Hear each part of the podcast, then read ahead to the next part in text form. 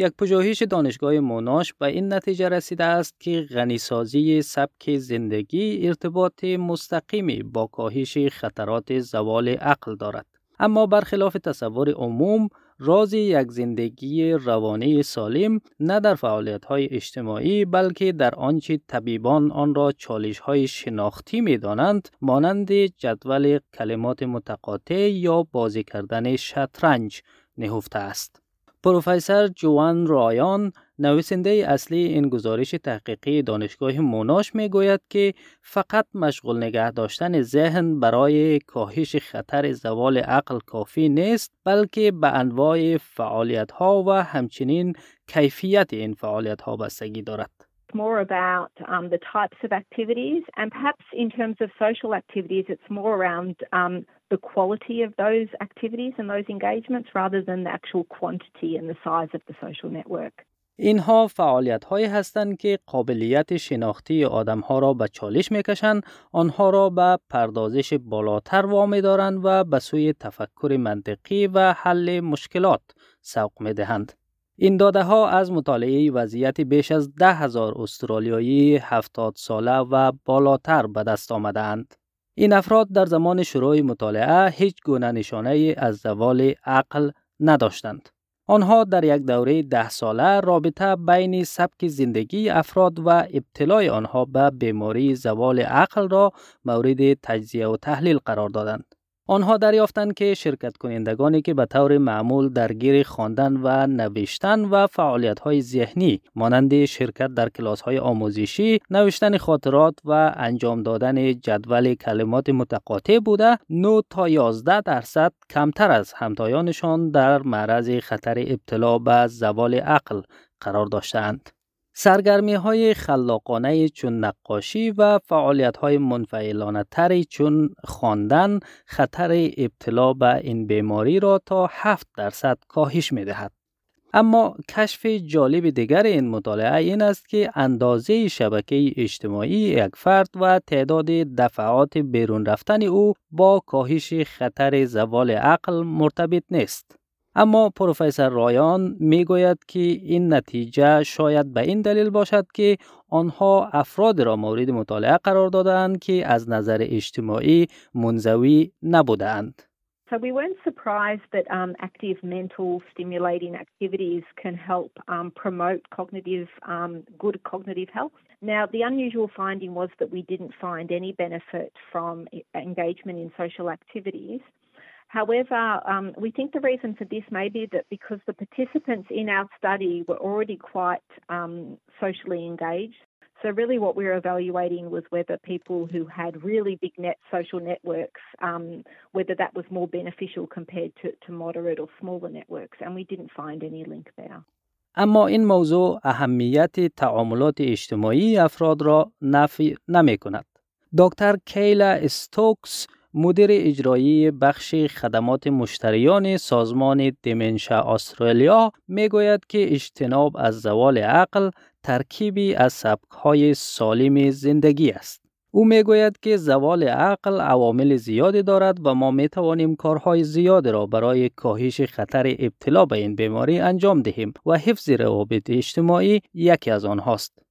We can do lots of things to reduce our risk of developing dementia and that we can focus on keeping our brain healthy in the same way that we focus on keeping our body healthy. So mm-hmm. there's a range of risk factors that we can focus on right across our whole life, and that can actually reduce the risk of developing dementia by up to 40% when you look at all of those different factors combined. So things like having a healthy diet, maintaining a good level of exercise, not smoking, not drinking too much, remaining socially engaged is still a really important factor to reduce our risk of developing dementia. So I think it's important that we think about all of the different things that we can do to reduce our risk.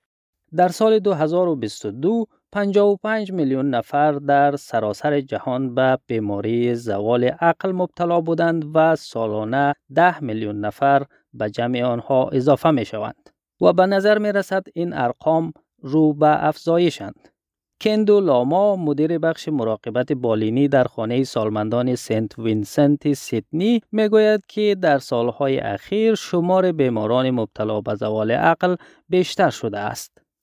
because we are getting more admission here regarding that um, with the diagnosis, uh, particularly in our facility, like more demand of um, bed in dementia unit rather than other ones.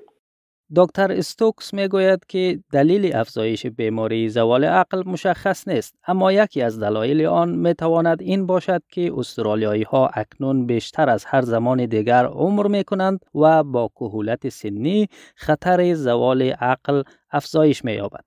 It's not clear whether that's just because as a population we tend to live longer so while dementia is not a natural part of aging it is something that our risk increases as we age about developing dementia. So it's possible that that is one factor. We know, as I say, that uh, dementia is the leading cause of death of women uh, in Australia, and we know that you know hundreds of thousands of people are impacted by dementia around the country. So um, we really need to be very mindful of our own brain health and what we can do. اما یافته های این تحقیق اصلا به این معنا نیستند که یک درمان پیشگیرانه برای زوال عقل وجود دارد. هنوز هیچ درمانی وجود ندارد. پروفسور رایان می گوید که فکر نمی کند یافته های این مطالعه آنها یک قرص جادویی باشد و نمی تواند جلو ابتلای کسی را به زوال عقل بگیرد اما می تواند شروع آن را به تأخیر بیندازد we don't think it's a magic pill, so it won't stop somebody um, who's going to get dementia um, developing dementia. But what it may do is actually delay the onset of dementia. So people who um, develop dementia have a pathology that starts in the brain, and we think through doing these activities, they may actually uh, delay the onset of any cognitive symptoms. They may be able to maintain good cognitive function for longer. دکتر استوکس نیز می گوید که اهمیت این پژوهش در این است که روی کار توجه کنیم که می توانیم در مورد این بیماری انجام دهیم. به گفته او به ادامه پژوهش های پیشین این پژوهش نیز نشان می دهد که در زوال عقل عوامل خطر تغییر پذیر و تغییر ناپذیر داریم که می توانیم روی آنهایی که تغییر پذیر هستند کار کنیم. So this research really starts to build on other forms of research that have been out there over the last few years that show that there are modifiable and non-modifiable risk factors for dementia. So things like our genetics and age are non non-modifiable risk factors that uh, you know we we can't do anything about. And in fact, aging is a is a positive uh, effect of of um, you know living longer and uh, having longer lives. But there are a range of modifiable risk factors that we can focus on and that we can focus on right across our life. محققان حتی نتایج تحقیقشان را از نظر سطح تحصیلات قبلی و وضعیت اجتماعی اقتصادی افراد بررسی کردند ولی به تفاوت معنادار دست نیافتند.